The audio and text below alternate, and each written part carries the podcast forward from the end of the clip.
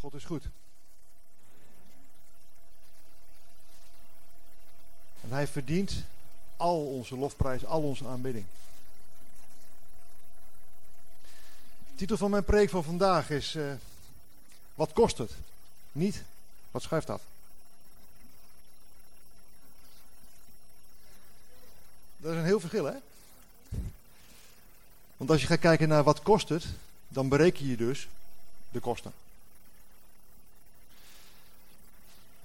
Daar ga ik het over hebben. Ik ga het niet hebben over de balans opmaken. Mensen die een eh, bedrijf hebben, of een winkel, of eh, een rijschool, of nou, noem maar maar. Die kennen dat. De balans opmaken.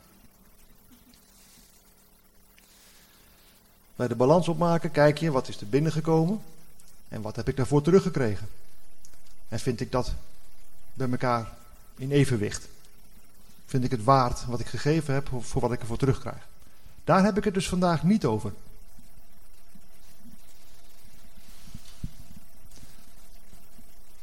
Dan denk je misschien, dat is mooi, je hebt het over kosten. Maar het evangelie is toch uh, gratis? Ja, het is een collecte, maar ja, als je er niks in stopt, stop je er niks in. En het klopt, het evangelie is gratis. Maar toch.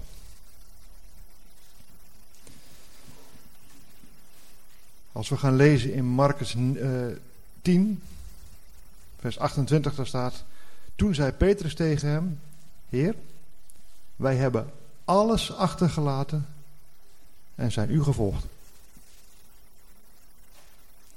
We hebben alles achtergelaten en zijn u gevolgd. En daar zat wel een klein beetje in van, en wat krijgen we er eigenlijk voor terug? Maar weet je, Jezus die zei, die overgave is voor mij, voor hemzelf dus, en voor het goede nieuws, voor het evangelie. Ik weet niet of jullie dat ook in de gaten hebben, maar het gaat dus daar niet om wat de discipelen er zelf aan over zouden houden.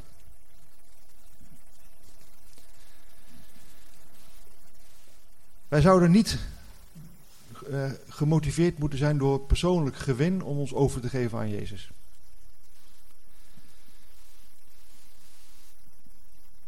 Gebeurt wel heel vaak, hè? Wat hou ik eraan over? Wat zit er, uh, wat zit er voor mij in? Een voorbeeldje. Heer, ik geef, mij, ik geef mijzelf aan God omdat ik vrij wil worden van zonde. Omdat ik heilig gemaakt wil worden. Hartstikke mooi. Vrij worden van zonde, heilig gemaakt worden, zijn het resultaat. Het resultaat van het recht voor God staan. Maar dat is niet de ware aard van het christendom om daarop gericht te zijn. Dat is niet waar je het voor doet. Want als je zegt, ik geef mij over aan God, zodat ik vrij word van zonde, en na jaren strijden merk je dat je nog steeds valt in die oude zonde. Nog steeds niet helemaal vrij. Wat dan? Geef je dan het geloof maar op? Het werkt niet?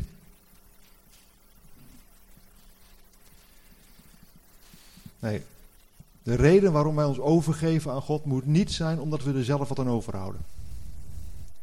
We zijn zo egocentrisch. Ik, ik ben zelf net zo, hè. We zijn zo egocentrisch geworden dat we eigenlijk alleen maar naar God toe gaan van, ja, Heer, ik heb u nodig. Ik heb u nodig, want dit, dit, dit, dit en dit. Ik moet iets van u hebben. En we gaan niet naar hem toe om hemzelf.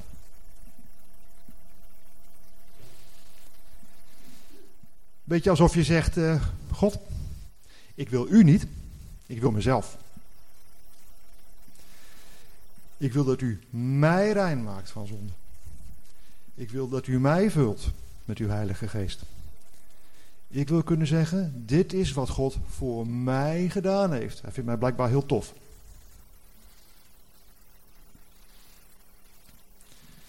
En het is hartstikke mooi, hè? Dat je bevrijd wil worden van zonde, dat je de hemel wil en zo, en dat je bruikbaar wil zijn voor God.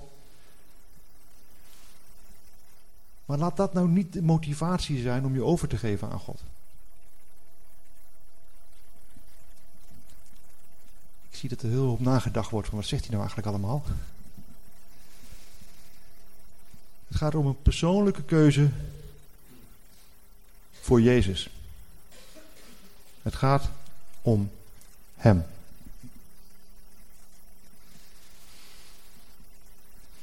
Want als, uh, als wij ons bezighouden, ons druk maken over onze persoonlijke relaties,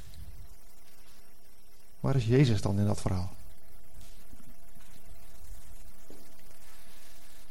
In Lucas 9, vers 57 tot 62. En daar staat in de basisbijbelvertaling staat het iets anders, maar ja, die staat niet in het programma wat Pauline gebruikt. Terwijl ze onderweg waren, zei iemand tegen Jezus: Ik zal u volgen waar u ook heen gaat. Nou, dat begint goed. Jezus zei tegen hem: Vossen hebben holen en vogels hebben nesten, maar de mensenzoon heeft geen plaats om te slapen. Jezus zei tegen iemand anders: Volg mij. Maar die man zei: Mag ik dan wachten tot ik mijn vader heb begraven? Maar Jezus zei: Laten de doden hun doden maar begraven, maar jij moet de mensen over het koninkrijk van God gaan vertellen. Weer iemand anders zei: Ik zal u volgen, Heer, maar ik wil eerst afscheid nemen van mijn familie. Maar Jezus zei tegen hem: Mensen die bij het ploegen achterom kijken, zijn niet geschikt voor het koninkrijk van God. In die cultuur wisten mensen heel goed wat ploegen was. Voor ons is het vooral lastig dat er weer eens een trekker op de weg rijdt. Hè?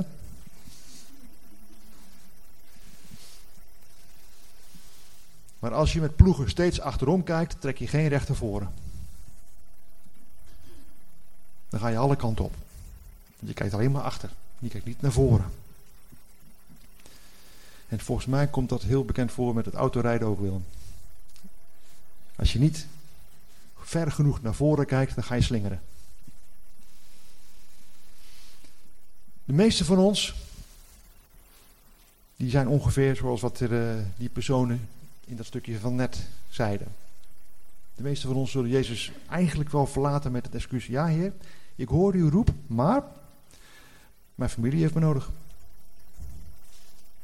Ik hoor uw roep, maar ja, ik heb ook mijn eigen belangen. Ik tel toch ook? Ik kan gewoon niet verder. En dan zegt Jezus: Kun je mijn discipel niet zijn?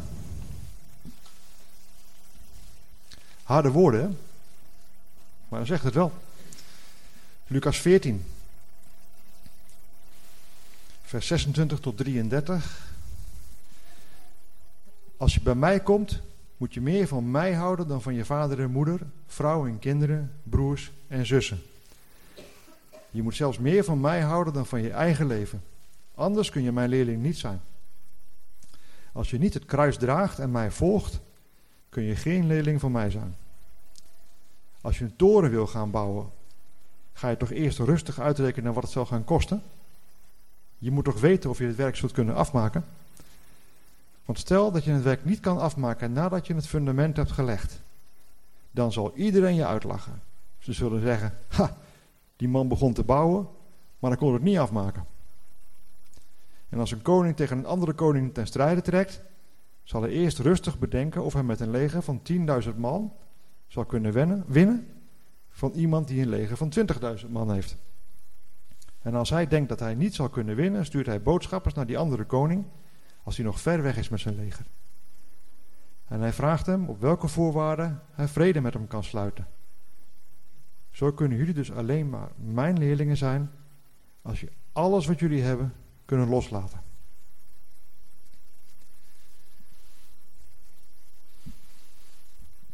In vers 27 staat als je het kruis niet draagt. En de mensen in die tijd die kenden de Romeinse doodstraf door kruisiging. Die wisten dat iemand die gekruisigd wordt, zijn eigen kruis meeneemt.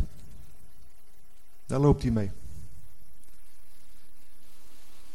Ze begrepen dus heel goed dat als Jezus zegt dat je je kruis moet dragen, dat dat verbonden is met de dood.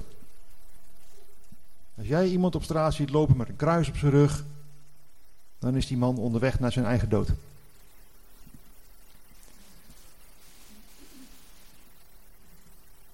Het gaat dus over het opgeven van je eigen leven. Dat is waar Jezus naar verwijst. Opgeven van jouw leventje om verder voor Jezus te leven. We hebben net met al die liederen van Ari en Tanja heel veel gezongen over Heer.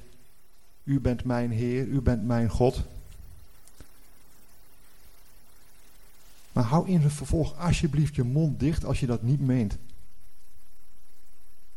Als jij zegt, u bent mijn Heer, maar hij is niet jouw Heer, dan ben je dus gewoon keihard aan het liegen.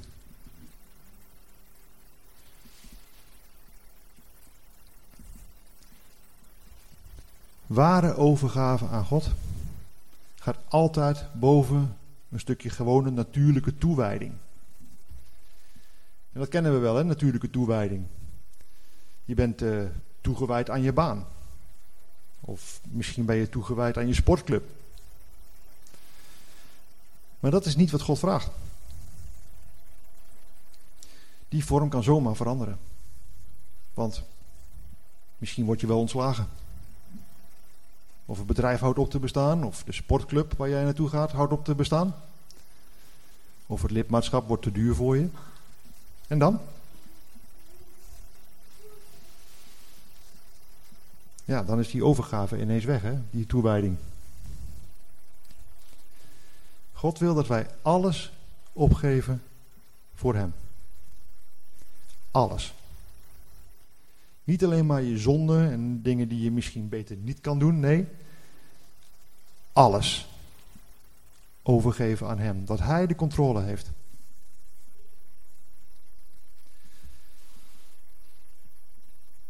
In vers 26 van Lucas 14, we hebben het net gelezen, er staat dus: Als je bij mij komt, moet je meer van mij houden dan van je vader en moeder, vrouw en kinderen, broers en zussen. Je moet zelfs meer van mij houden dan van je eigen leven, anders kun je mijn leerling niet zijn. Je moet Jezus dus belangrijker vinden dan je ouders, je vrouw of man, je kinderen, broers, zussen, je eigen leven. Maar God weet wel dat we dat nodig hebben.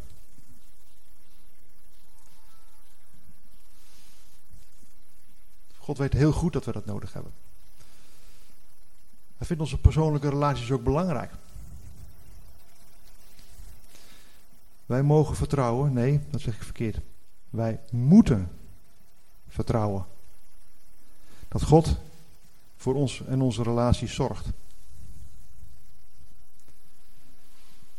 Dat Hij kan voorzien.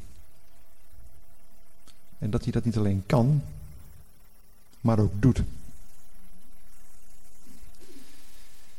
In Matthäus 6, vers 31 tot 33 staat: Wees dus nergens bezorgd over. Pieken niet van wat moeten we eten of wat moeten we drinken of wat moeten we aantrekken. De mensen van de andere volken doen dat wel, maar jullie hemelse Vader weet dat jullie deze dingen nodig hebben. En geef het koninkrijk van God en het doen van Gods wil de eerste plaats in jullie leven. Dan zal Hij jullie al deze dingen geven. Als wij alles opgeven voor God, dan zorgt God dus ervoor dat alle mensen om ons heen, die op een of andere manier misschien benadeeld zouden worden door onze keuze om ons over te geven aan God, dat daarvoor gezorgd wordt. Dat in hun noden wordt voorzien.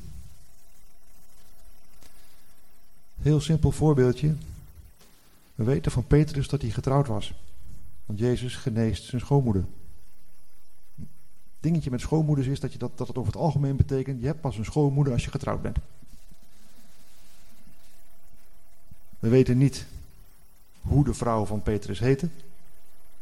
Maar aangezien hij een schoonmoeder had, moet hij een vrouw hebben gehad. Petrus was een visser.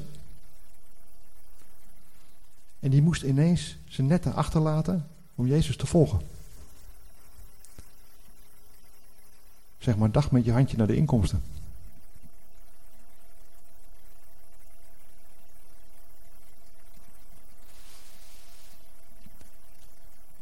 En toch koos Petrus daarvoor. Toch zei hij: U bent de Messias. U bent de zoon van de levende God. Ik doe wat u van mij vraagt.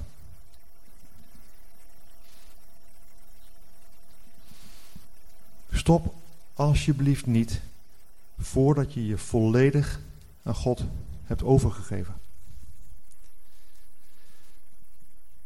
Heel veel van onze vrienden uit het asielzoekerscentrum, die, uh, die kennen die keuze. Die hebben ervoor gekozen om het comfort van hun eigen leven minder belangrijk te vinden dan het volgen van Jezus. Zij hebben de kosten berekend. Ze weten wat de kosten van het volgen van Jezus zijn. Je baan, je familie, je huis, je vrienden, je veiligheid. Alles hebben ze opgegeven om Jezus te volgen. En voor een moslim betekent dat heel wat, hè?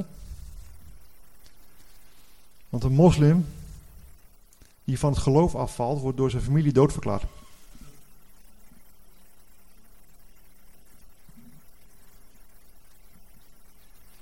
En het is voor binnen de moslimgemeenschap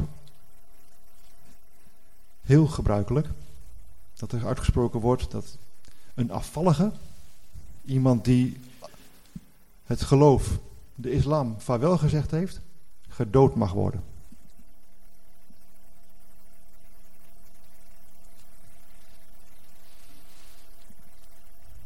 Heftige keuzes. En dat zie je ook wel terug als je met ze gaat praten. De kosten berekend. Voor de meeste van ons is dat niet het geval. Als wij in een uh, ongelovig gezin uh, tot geloof komen, vinden ze je raar, maken ze je misschien belachelijk, snappen ze je niet, vinden ze je misschien zielig, want ja, jij hebt dat christendom nodig om overeind te blijven in deze wereld. Ja, dat heb ik niet nodig, denken ze.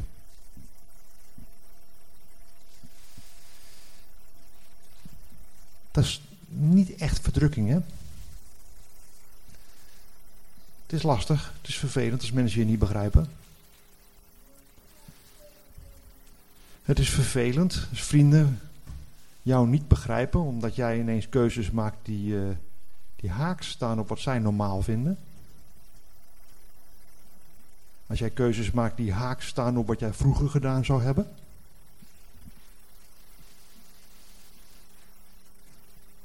Maar ja, is dat nou verdrukking? Is dat nou echte moeite? Voor heel veel mensen in Nederland is het christendom een soort hobby. Ik ga naar de voetbal. Jij gaat tennissen. Oh, maar jij gaat op zondag naar de kerk. Oh ja. Leuke hobby. Mens moet wat hè, met zijn vrije tijd. Je hebt een hobby nodig. ik hoop dat je inmiddels wel in de gaten hebt dat het hier niet gaat om het, om het hebben van een leuke hobby. Het volgen van Jezus is geen leuke hobby. Je hoeft er geen geld voor te betalen, maar tegelijkertijd kost het je alles. In Johannes 12, vers 25 en 26, daar staat: Iemand die aan zijn lout raakt het kwijt. Maar als hij niet geeft om zijn leven in deze wereld, zal hij het eeuwige leven krijgen. Als iemand mij wil dienen, moet hij mij volgen. En waar ik ben, zal hij zijn, als mijn dienaar. Als iemand mij dient, zal de Vader hem prijzen. Daar zien we dus ook dat Jezus ons zijn dienaren noemt. Wij zijn zijn dienaren. Niet andersom. God is er niet om ons te dienen. Weet jullie nog van de vorige keer? Tingelingeling, de butler. Mag het opruimen? Dat is het niet, hè? Wij dienen God.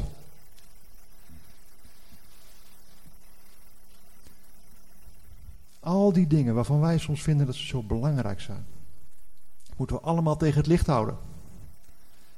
Helpen ze ons om Jezus te volgen, om dichter bij Hem te komen, om te doen wat Hij van ons vraagt? Of houden ze ons juist bij Hem vandaan? Paulus die heeft een uh, heel lijstje met dingetjes waar hij uh, trots op was. Goede redenen waar hij in zijn oude leventje heel erg trots op kon zijn. Hij noemt ze allemaal op in Filippenzen. In hoofdstuk 3.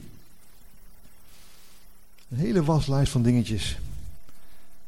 Die voor een Jood in die tijd zeker heel belangrijk waren, heel waardevol waren. Allemaal van toepassing op hem. Maar dan schrijft hij. Maar al die dingen waar ik zo trots op was, vind ik nu waardeloos. Want ze stonden mij in de weg om bij Christus te komen. Ja, ik vind het nu allemaal waardeloos, omdat niets zo kostbaar is als het kennen van mijn Heer Jezus Christus. Voor Hem heb ik het allemaal als troep weggegooid, om Christus te kunnen ontvangen. Want dan zou ik vrijgesproken worden van schuld. Niet doordat ik mij zo goed aan de Joodse wet heb gehouden, maar door mijn geloof in Christus. Want alleen daardoor heeft God mij vrijgesproken van schuld. Hij zegt, als troep weggegooid.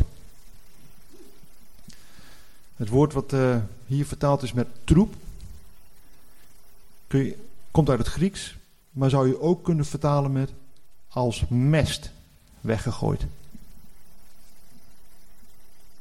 Ik heb het als mest weggegooid. Ik weet niet waar jullie aan denken. Als je een tuin hebt, denk je, oh, mest is heel zinvol. Maar het heeft iets in zich van nutteloos en walgelijk. Ja, dierenpoep.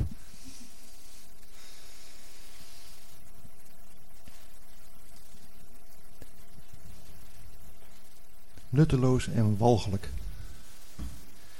Dat is hoe Paulus keek naar de dingetjes die zo belangrijk waren ooit.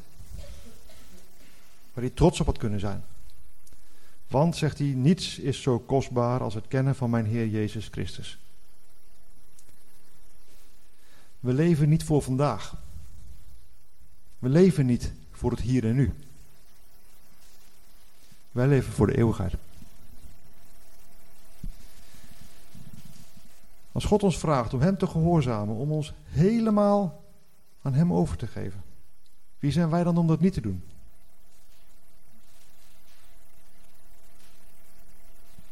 Wat houdt je tegen? Ik zit zelf ook in het proces hoor. Om mezelf steeds meer aan God toe te wijden. Steeds meer over te geven aan Hem. Ik wil ook gevoelig zijn voor Gods stem. Voor Gods aanwezigheid. Ik wil Zijn stem herkennen, gehoorzamen. Ik wil uiteindelijk, als het moment aangebroken is, uit Zijn mond horen Goed gedaan. Trouwe dienaar. Maar dat betekent wel wat. Dat betekent totale overgave van mijzelf aan Hem. Ben ik daar al? Nou, Daphne zal het beamen. Ik ben bang voor niet. Heer, verander hart.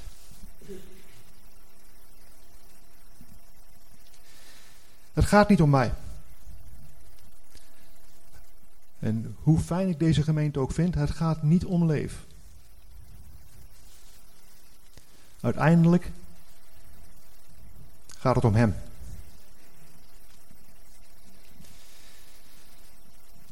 Ik wil een leven leiden tot eer van God. Een leven van pure aanbidding, volledige overgave. Een leven waarin andere mensen, wat, zij van mij vinden, voor mij minder belangrijk is dan wat God van mij vindt.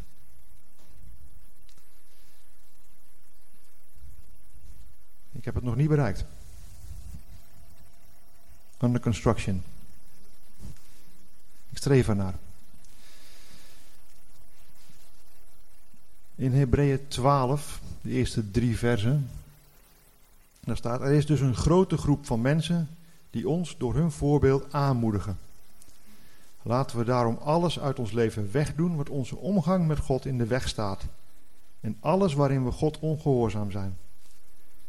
Het is alsof we een hardloopwedstrijd lopen die voor ons is uitgezet. We moeten geduldig tot aan het einde doen wat God van ons vraagt. Daarbij moeten we alleen op Jezus letten, want Hij is onze leider.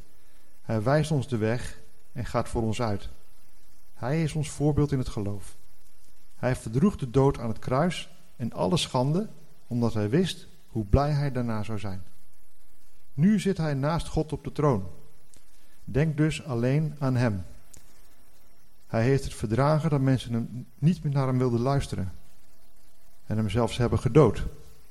Als jullie daaraan denken, zullen jullie niet moe worden en niet opgeven. En met dat ik dit lees, schiet er door mijn hoofd, oh, dan kun je mooi een voorbeeldje geven van een rugzak. Hardlopen met een rugzak op.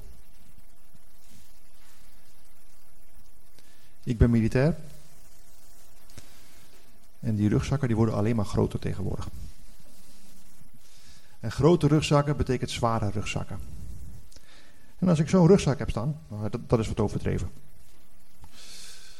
Als ik een rugzak heb staan van eh, 55 liter inhoud, helemaal ramvol, kilootje of 30, 40, misschien wel meer, ga ik niet winnen als we een hardloopwedstrijd houden. Ik denk dat Eva dan voor mij wint. Ik weet niet hoe hard je kan lopen, maar ik denk dat je voor me wint.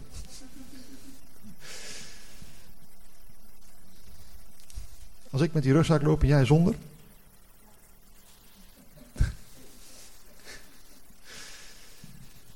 En dat zegt Paulus in dat stukje. Hè? Of dat is, ja, we weten niet zeker wie het geschreven heeft eigenlijk.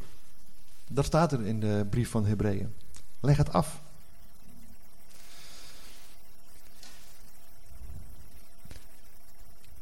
Wees dus flink en pak jezelf aan. Staat een stukje verderop, hè? 12 en 13 is dat. Wees dus flink, pak jezelf aan. Leef zoals God het wil. Dan zal je geloof niet zwakker worden, maar juist sterker. Net zoals zwakke benen die goed gebruikt worden, sterker worden. Ik wil sterker staan in mijn geloof. Jullie ook? Laten we elkaar helpen. Laten we elkaar helpen om daar te komen. Wij moeten leven op een manier die past bij het evangelie. Die past bij wat God voor ons gedaan heeft.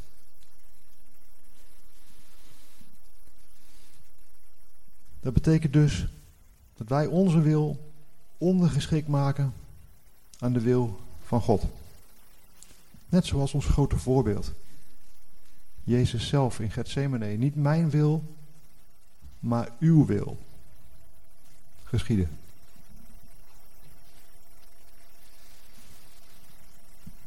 Dat wij God in alles gehoorzamen. Ja, ik leg de lat hoog. Voor mezelf.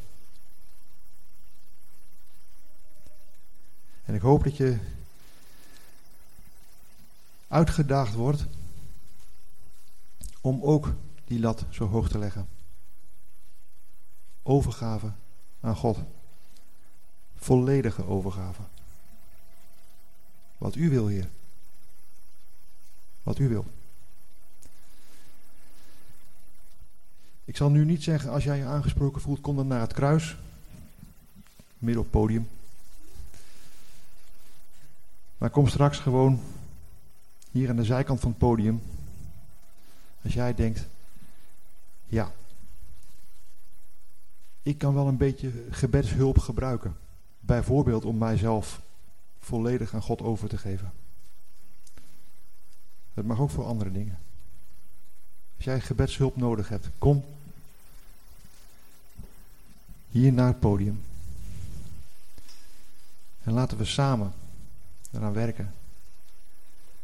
Dat we ons volledig overgeven Aan God die wij zo enthousiast zingend onze Heer noemen. Dat is de aanbidder die, die, God, die Jezus zoekt. Dat is de aanbidder die God zoekt. In geest en waarheid.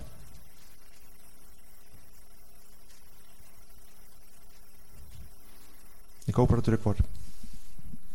Amen.